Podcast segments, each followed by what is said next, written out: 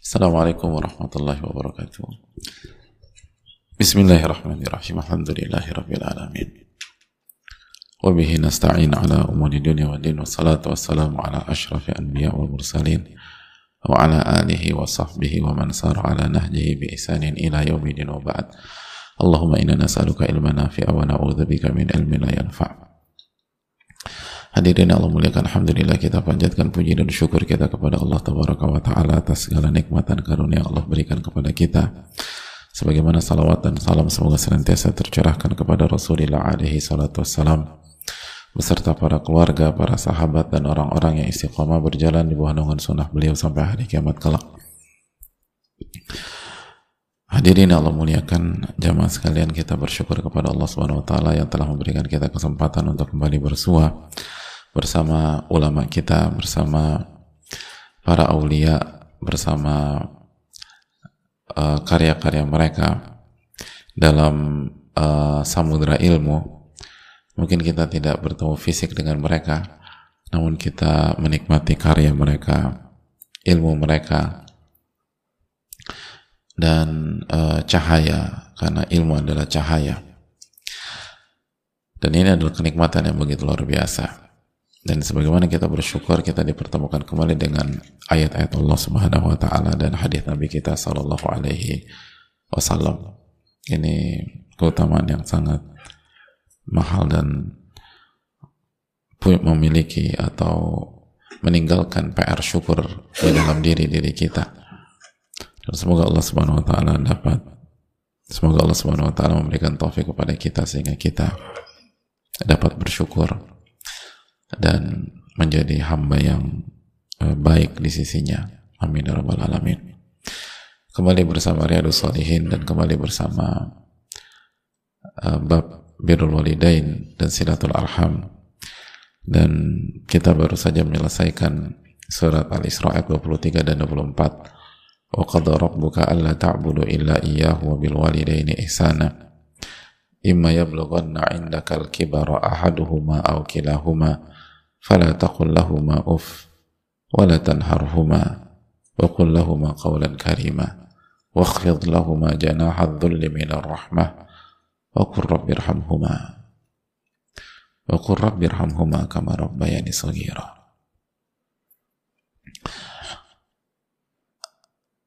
Dan Allah perintahkan kalian untuk beribadah hanya kepada Allah Subhanahu wa taala atau tidak beribadah kecuali kepada Allah Subhanahu wa taala.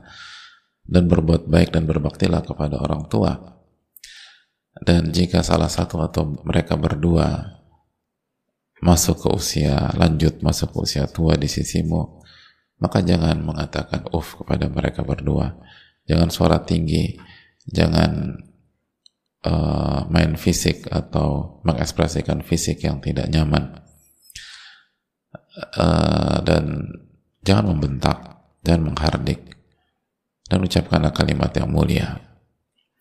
Ucapkanlah kalimat yang yang mulia. Dan hadirin Allah muliakan. Waqfid lahuma minar rahmah. Dan rendahkanlah kepakan sayapmu. Tawaduklah di hadapan mereka. Rendahkan dirimu atau rendahkan hatimu di hadapan mereka. Dan berdoalah kepada mereka. Atau berdoalah kepada Allah untuk mereka yang lebih tepat. Berdoalah kepada Allah untuk mereka.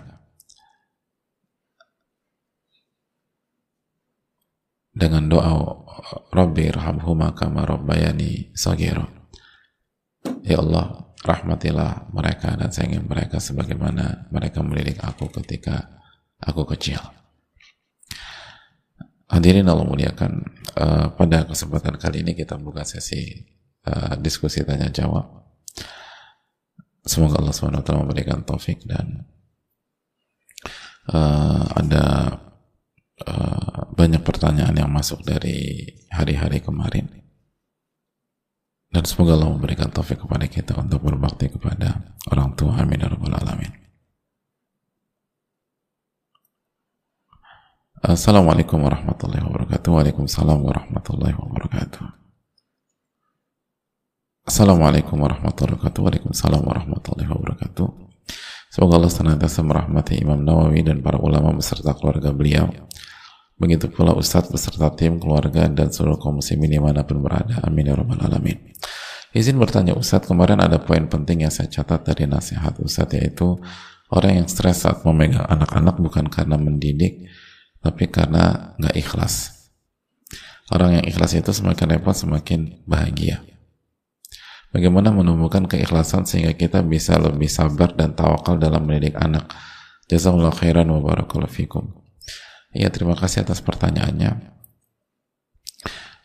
Iya, uh, inti stres itu bukan karena mendidik anak, tapi karena tidak ikhlas dalam bersama anak. Bahkan mungkin dia nggak mendidik sama sekali, tapi dia stres ada orang yang mendidik dan kita tahu mendidik itu sangat capek, sangat letih, sangat ribet, sangat menguras tenaga, tapi dia bahagia. Jawabannya adalah karena keikhlasan, karena kejujuran. Kata Nabi SAW, as-sidqu Kejujuran itu adalah ketenangan. Kejujuran adalah ketenangan. As-sidqu kata Rasulullah SAW. Kejujuran adalah ketenangan. Kalau kita jujur, dan salah satu makna jujur adalah ikhlas kepada Allah Subhanahu wa taala. Maka kita akan tenang. Sebaliknya kalau kita nggak jujur dan salah satu makna jujur adalah ikhlas. Sekali lagi salah satu makna jujur adalah ikhlas kepada Allah. Maka kita nggak akan tenang. Kata Nabi SAW, wal riba. Dan kebohongan atau ketidakjujuran adalah kegalauan adalah keraguan-raguan. Jadi as-sidqu maknina. Kejujuran adalah ketenangan. Maka PR kita adalah bagaimana jujur dan ikhlas kepada Allah Tabaraka wa Ta'ala. Bagaimana mewujudkan konsep inna salati wa nusuki wa mahyaya wa mati lillahi rabbil alamin. Sesungguhnya salatku, ibadahku, sesembelihanku, hidupku dan matiku lillahi rabbil alamin. Hanya untuk Allah Rabbul Alamin. La syarikana, tidak ada sekutu bagi Allah. Wa bidzalika umirtu dan itulah yang aku diperintahkan. Wa awalul muslimin. Dan aku yang pertama kali uh, muslim dan menyerah kepada Allah Subhanahu wa taala. Hadirin Allah muliakan. Lalu bagaimana menumbuhkan keikhlasan? uh, hadirin Allah muliakan menemukan keikhlasan butuh perjuangan butuh perjuangan butuh uh, kerja keras sebagaimana yang disampaikan oleh Al-Imam Daruqutni rahimahullah ta'ala salah satu ulama besar dalam sejarah beliau mengatakan talabna ilma li ghairillah fa'aba an yakuna illa lillah Dulu aku, dulu kami itu pertama-tama kali belajar nggak ikhlas kepada Allah. Lalu ilmu itu enggan kecuali dipelajari hanya karena Allah Subhanahu wa taala. Dan kalimat ini diamin, diamini oleh banyak para ulama seperti Al-Imam Al-Zahabi rahimahullah ta'ala. Salah satu ulama mazhab syafi'i. Yang menunjukkan bahwa para ulama-ulama besar mengakui di fase awal mereka itu sebagian nggak ikhlas. Di fase awal belajar sebelum jadi ulama. Artinya keikhlasan itu butuh proses. Jadi ketika kita merasa kayaknya aku ini belum ikhlas. Dan kita masih di fase awal kita masih awal-awal itu tidak ikhlas tetap salah hadirin tetapi itu memang proses yang harus dijalani dan mendengar nasihat mereka seperti di atas menunjukkan bahwa ikhlas itu akan hadir ketika kita mendapatkan ilmu nafi, ilmu yang bermanfaat. Berarti ikhlas itu akan hadir ketika kita terus menuntut ilmu dan berusaha mengamalkan ilmu kita. Terus menuntut ilmu dan berusaha mengamalkan ilmu kita. Terus menuntut ilmu dan berusaha mengamalkan ilmu kita. Jadi kalau itu menjadi pola yang yang kita kita uh, terapkan dalam kehidupan kita bukan satu dua minggu, bukan satu dua bulan, tapi kita jaga terus jaga terus maka insya Allah kita akan ikhlas. Karena tidak ada satupun dalam bab ilmu kecuali pasti akan berkaitan dengan keikhlasan. Maka ketika kita belajar bisa kita amalkan otomatis itu kan latihan, latihan, latihan, latihan, latihan, latihan, latihan, latihan. Dan secara otomatis akan dapat keikhlasan biidznillah. Asal itu tadi. Bukan bukan otomatis artinya turun dari langit, enggak. Atau tidur-tiduran terus jadi orang ikhlas. Terus belajar, jangan berhenti belajar. Jangan berhenti belajar. Dan amalkan. Jangan berhenti belajar dan amalkan. Ya, jangan berhenti belajar dan terus amalkan, amalkan, amalkan, amalkan. Yang jadi masalah kita berhenti belajar. Atau kita hobi belajar tapi nggak ngamalin. Belajar udah bertahun-tahun tapi nggak diamalkan. Hanya untuk seru-seruan, ngisi waktu, atau punya komunitas, hanya status, itu itu yang menjadi masalah. Lalu yang kedua, uh, muhasabah. Muhasabah. Lakukan muhasabah. Muhasabah itu introspeksi diri. Evaluasi diri. Jadi kita butuh muhasabah. Hasibu anfusakum qabla an tuhasabu. Dikatakan oleh Umar bin Khattab radhiyallahu taala evaluasi diri Anda sebelum Anda dievaluasi sama Allah Subhanahu wa taala. Hisap diri Anda sebagaimana atau sebelum Anda dihisap oleh Allah. Muhasabah itu penting untuk menjaga keikhlasan. Kita harus punya waktu untuk mengecek. Kemarin tuh saya eh, hari ini saya tuh uh, ngedidik anak tuh ikhlas nggak ya gitu.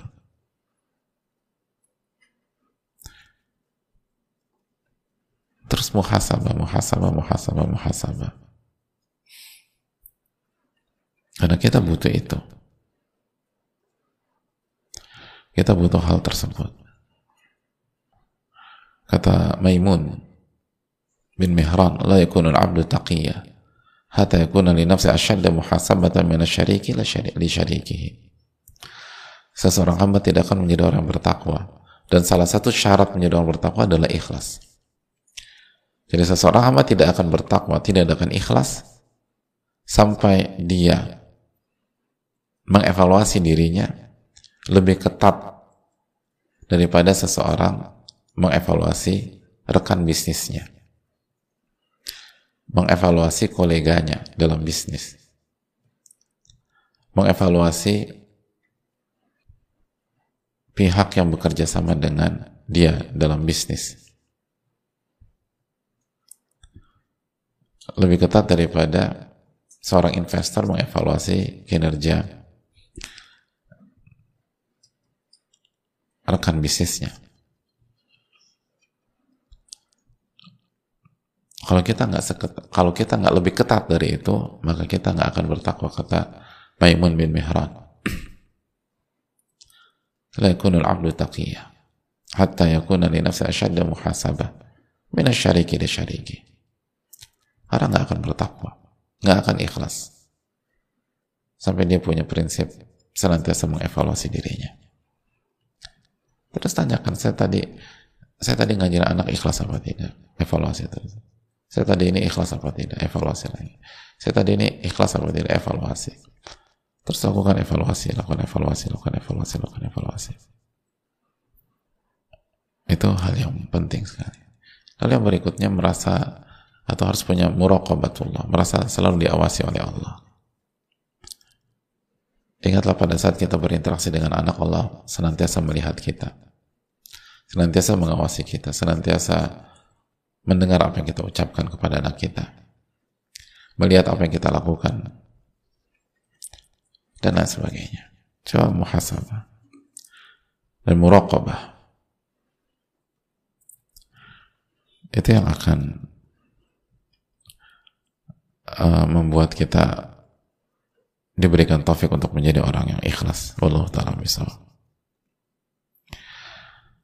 Assalamualaikum warahmatullahi wabarakatuh. Waalaikumsalam warahmatullahi wabarakatuh. Semoga Allah merahmati, memberkahi, mengampuni Imam Nawawi, Imam Ibnul Jamaah, Ustadz keluarga tim dan kaum muslimin amin ya rabbal alamin.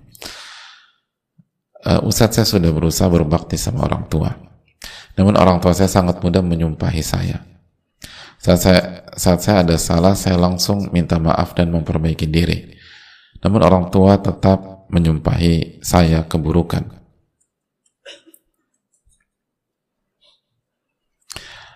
Ketika kesalahan lama teringat orang tua saya, saya langsung disumpahi lagi. Padahal saya sudah minta maaf. Dan berusaha berubah menjadi lebih baik.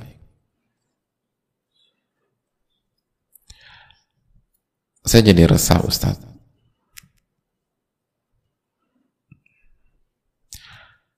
Saya yakin Allah Maha Bijaksana dalam memilah doa orang tua. Dan menilai usaha hambanya dengan adil dan jauh tidak dan jauh tidak seperti ibu peri di kisah-kisah fantasi yang mengabulkan keinginan tanpa menimbang dengan bijaksana. Maha Allah Subhanahu wa taala. Jazakallah Ustaz. Wassalamualaikum warahmatullahi wabarakatuh. Waalaikumsalam warahmatullahi wabarakatuh. Uh, hadirin Allah muliakan. Nabi kita alaihi salatu wassalam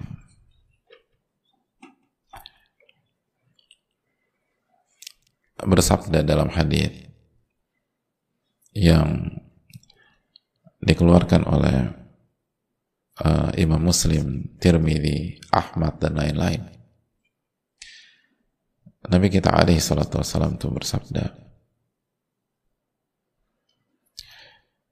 "Ma min rajulin Allah tidaklah seorang seseorang berdoa kepada Allah ila stujibalah kecuali Allah akan ijabah doanya. Tidaklah seseorang berdoa kepada Allah kecuali Allah akan ijabah. Dan di antara juga menekankan hal ini adalah doa orang tua untuk anaknya. Yang baik maupun yang buruk. Allah akan ijabah. Fa'imma an yu'ajjila fi dunia. Dan bagaimana cara Allah mengijabah? Ada tiga opsi. Opsi yang pertama, Allah segerakan di dunia. Kita mau minta, minta rumah dikasih rumah sama Allah. Allah kan segerakan di dunia. Kita minta diterima di sebuah uh, sekolah yang favorit Allah ijabah Allah kasih. Wa in lahu fil akhirah. Tapi apakah semuanya demikian? Enggak. Opsi yang kedua, Allah simpan untuk akhirat. Allah nggak kasih di dunia, tapi Allah simpan di akhirat. Kita minta rumah, Allah nggak kasih di dunia, sampai wafat kita jadi kontraktor misalnya kontrak sana kontrak sini nggak punya rumah tapi nanti Allah kasih istana di surga Allah kasih istana di surga wa ima an yukaffir anhu min dhunubihi biqadri mada'a opsi yang ketiga Allah akan ampuni dosa-dosanya sesuai dengan uh, apa yang dia minta. Jadi uh, apa yang dia minta nggak dikasih. Tapi gantinya Allah ampuni dosanya dengan kadar sesuai dengan permintaan tersebut. Dengan kadar sesuai dengan permintaannya tersebut. Dari dosa-dosa diampuni dalam riwayat yang lain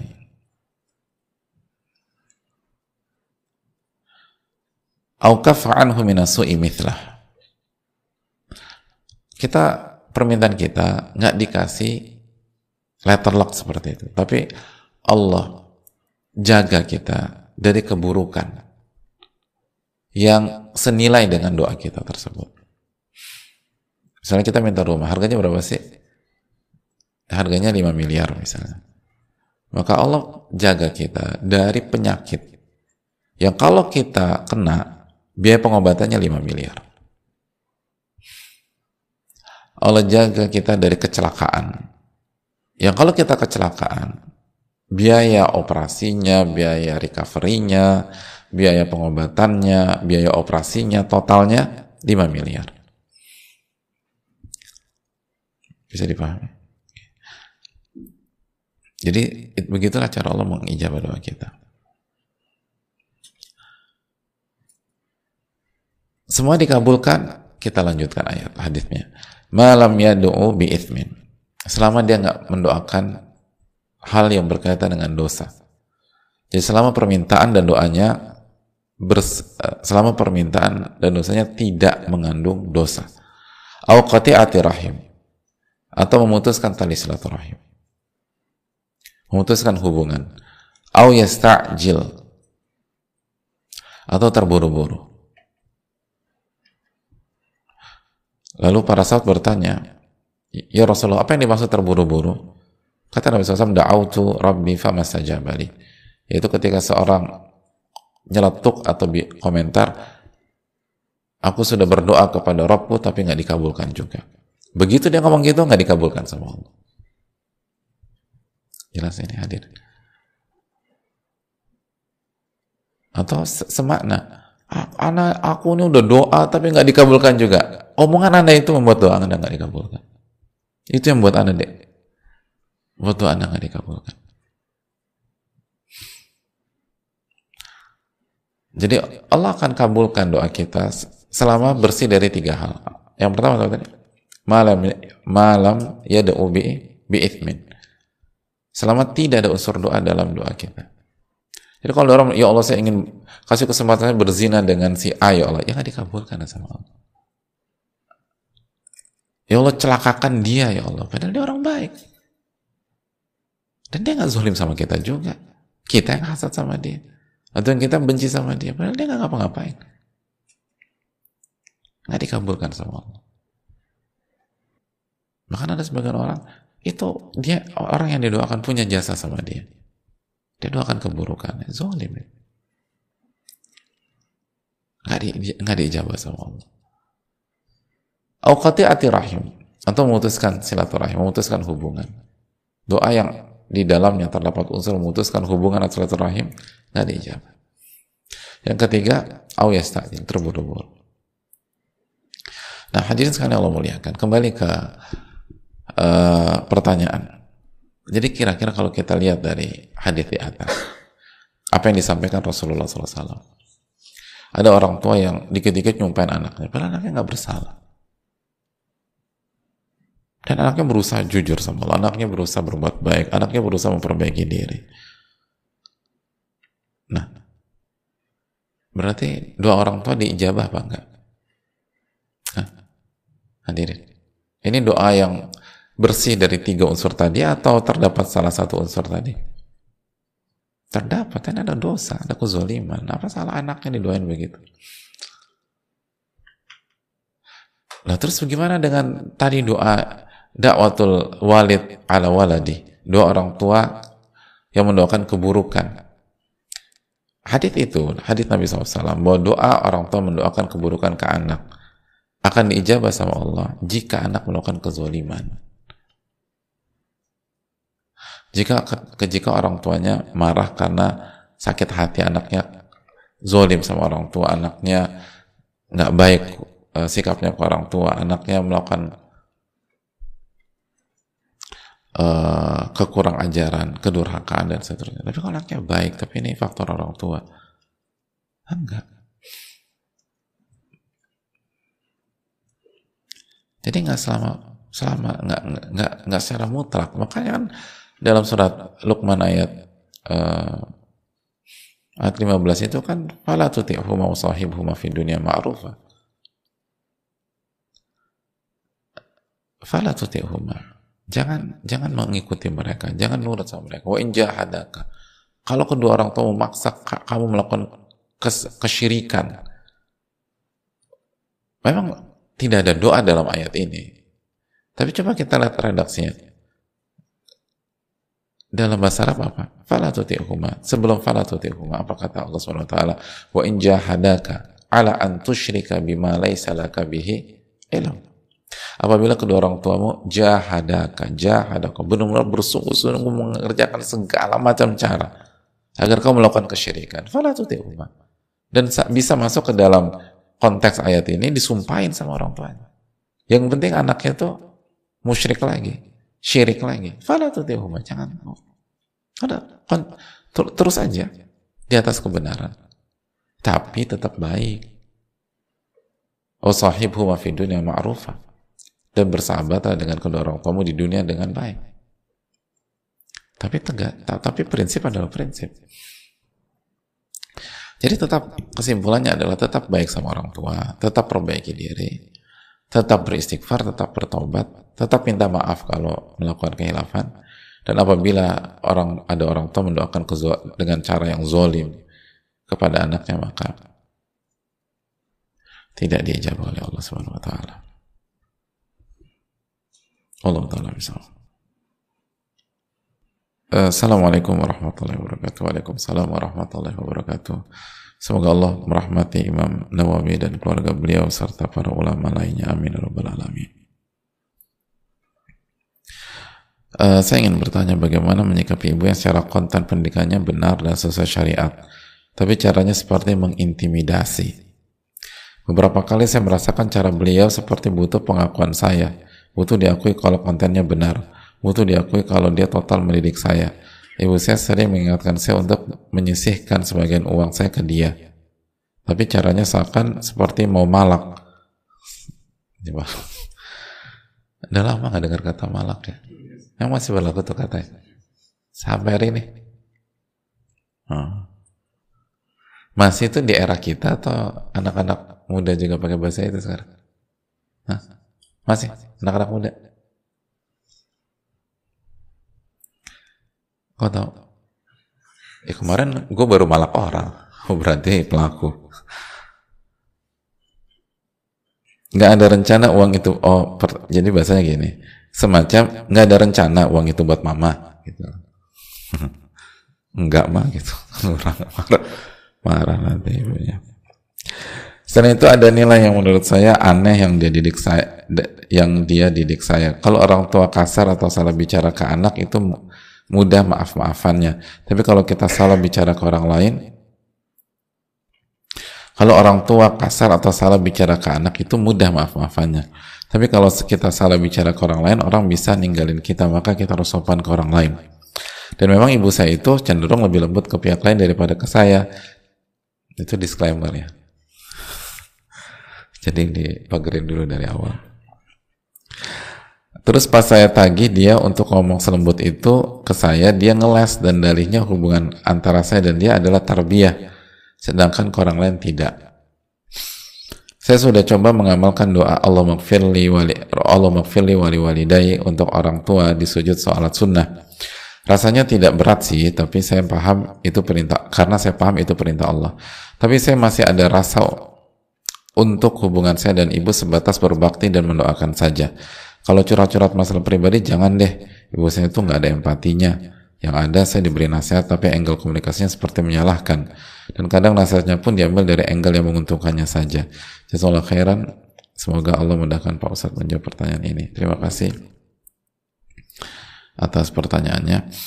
Uh, hadirin Allah muliakan. Yang pertama, uh, kalau boleh kasih saran, ketika kita menyebutkan orang tua itu dengan kata ganti orang ketiga, gunakan kata beliau dibanding dia, dia dan dia. Karena itu lebih uh, itu sesuai dengan firman Allah wa qullahu maqaulan karimah dalam surat Al-Isra 23 dan ucapkanlah ke mereka itu dengan bahasa yang mulia. Lebih mulia mana? Bilang dia atau beliau? Beliau. Terus yang kedua itu lebih sesuai kultur kita. Kultur ketimuran kita kan secara umum ya kita nggak mengatakan Allah itu dia ya. Apa bicara juga. Value kita gitu loh. Kalau di masyarakat mungkin sekarang banyak tapi nilai-nilai apa? Nilai-nilai kultur kita tuh enggak. Ya jangan kan orang tua kalau di Jawa panggil orang yang lebih tua aja apa? Kan ya, panjenengan ya, nggak boleh panggil sampean. Itu itu orang yang lebih tua apalagi orang tua. Jadi tolong di apa untuk pelajaran ke depan kalau kita lagi bicarakan orang tua kita beliau jangan jangan dia biar lebih dapat lebih banyak dapat pahalanya penanya jadi kita ingin penanya lebih banyak dapat pahala dari Allah Subhanahu Wa Taala. Adapun yang kedua ini salah satu salah satu contoh bahwa ketika ada ada masalah dalam diri dan hati anak kepada orang tuanya. Jangan semuanya dilimpahkan ke anak, lalu anak difonis nggak berbakti, kurang ajar, nggak tahu berterima kasih dan seterusnya. Kenapa demikian? Karena ada banyak anak itu atau bukan banyak ya, mayoritas anak itu tuh fitrah kan. Fitrahnya itu masih baik dan bukan hanya mayoritas, semua anak kan kullu mauludin yuladu ala al-fitrah. Setiap anak itu yang lahir lahir di atas fitrah. Fa'abawahu yuhawidanihi au yunassiranihi au yumajisanihi dan kedua orang tua merubah menjadi Yahudi, Nasrani, dan Majusi. Jadi anak itu lahir di atas fitrah. Dan banyak anak itu fitrahnya masih oke, okay, masih ini. Ya. ya sama seperti penanya kalau sesuai dengan apa yang beliau sampaikan. Masih doain orang tua, masih tahu ini perintah Allah, ini wajib. Tapi untuk lebih dari itu, banyak anak tuh memang berat. Karena memang nggak dapat kasih sayang. Nggak dapat ketulusan, nggak dapat keikhlasan. Dan itu kan berat. Ya tapi walaupun bagaimana kan kita harus baik sama orang tua. Ya setuju, itu nggak diragukan. Tapi nggak mudah. Apalagi baik hati. Ini kan pertanyaannya bukan baik teknis baik fisik atau baik zohir baik zohir udah nih tapi si anak itu beliau itu bertanya tapi kok flat gitu aja ya perasaan saya gitu ya hanya menjal apa hanya menjalankan kewajiban aja nggak nggak ada emosi positif gitu nggak ada sensasi nggak ada ruh nggak ada apa nggak ada nggak ada kenikmatan ketika mengingat memo ketika mengingat potret-potret uh, kehidupan kita dengan dengan orang tua. Nah ini yang harus dievaluasi buat buat buat kita dan orang tua kita. Uh, Adapun buat orang tua sekali lagi uh, bantu anaknya untuk berbakti lah gitu. Dengan mendidik mereka. Dan dan dan tanamkan keikhlasan dan ketulusan. tanamkan keikhlasan ketulusan. Uh,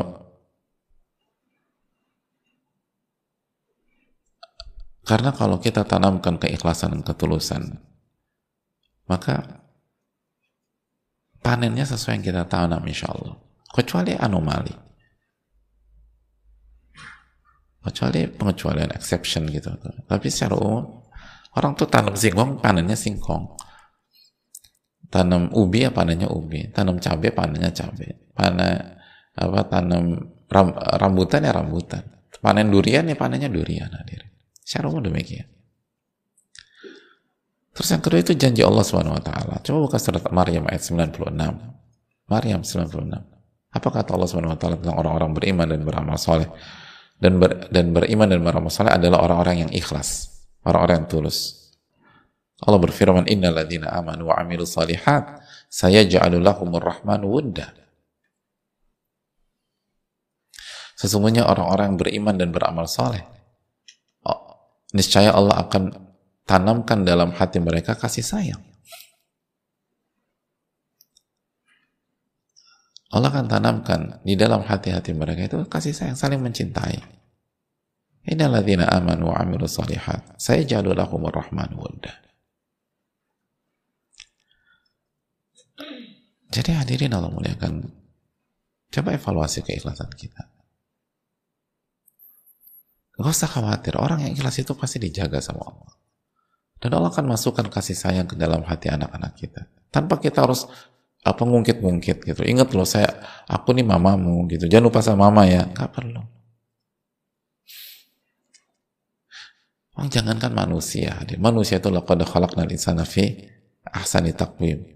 Allah telah menciptakan manusia dengan sebaik-baik ciptaan. Binatang aja ingat sama yang berbuat baik sama mereka. Itu binatang. Binatang. Padahal kita nggak ngomong dengan satu bahasa. Binatang, kucing itu ingat loh. Saat siapa yang berbuat baik sama dia. Anjing itu tahu. Ada banyak binatang tuh ngerti.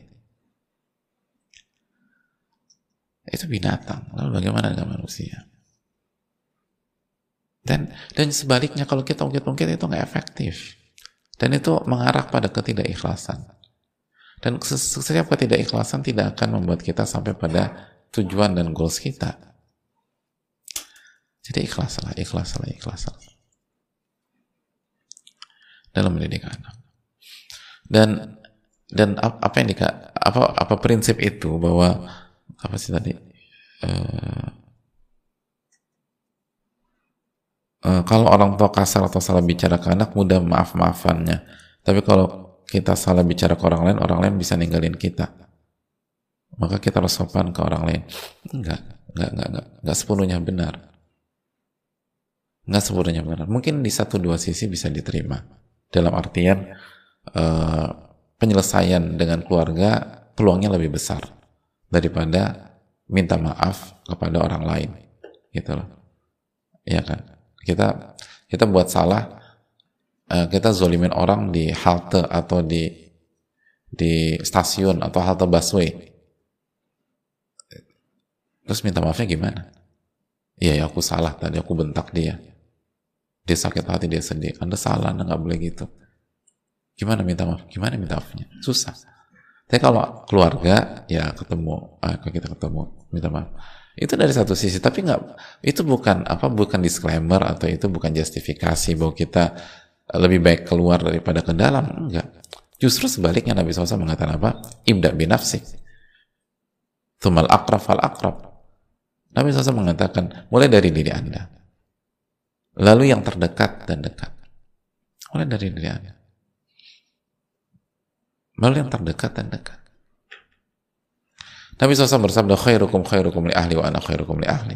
Sebaik-baik kalian yang paling baik dengan keluarga atau istri. Dan aku yang paling baik dengan keluarga atau istri. Keluarga lebih dahulu. Karena baik sama keluarga itu parameter keikhlasan. parameter keikhlasan. Salah satu keterangan para ulama, kata sebagian para ulama, karena orang itu sangat sulit bersandiwara di hadapan orang rumah. Orang akan memperlihatkan wataknya di hadapan orang rumahnya. Orang yang tinggal satu atap. Baru kelihatan aslinya. Jadi kalau dia baik ya itu dia. Ini nggak nggak jadi jadi kita bersama anak itu ujian keikhlasan sebenarnya. Itulah diri kita ketika kita sama anak kita. Itu dari sisi orang tua. Adapun dari sisi anak, ini adalah ujian keikhlasan. Dan jadikanlah, eh, jangan jadikan ketidak atau jangan jadikan kekurangan orang tua kita di sebagian sisi sebagai justifikasi kita tidak perform dan kita tidak bertakwa maksimal. Memang susah, memang sulit. Tapi kan kembali lagi juga Kak, surat Maryam ayat 96. Sebagaimana orang tua kita dituntut bertakwa, beriman dan beramal soleh, untuk mendapatkan rasa cinta di dalam hati-hati kita, kita pun melakukan hal yang sama. Kalau kita beriman dan beramal soleh, maka Allah akan berikan rasa cinta di dalam hati-hati kita. Jadi ini ujian keikhlasan buat anak. Dan ini PR yang harus diselesaikan bersama-sama. Allah taala bisa saya rasa cukup sampai di sini semoga Allah bermanfaat semoga Allah menerima dan memberikan kita ilmu yang bermanfaat subhanakallahumma assalamualaikum warahmatullahi wabarakatuh masih ingat semangat sebaik-baik Ramadan tahun lalu?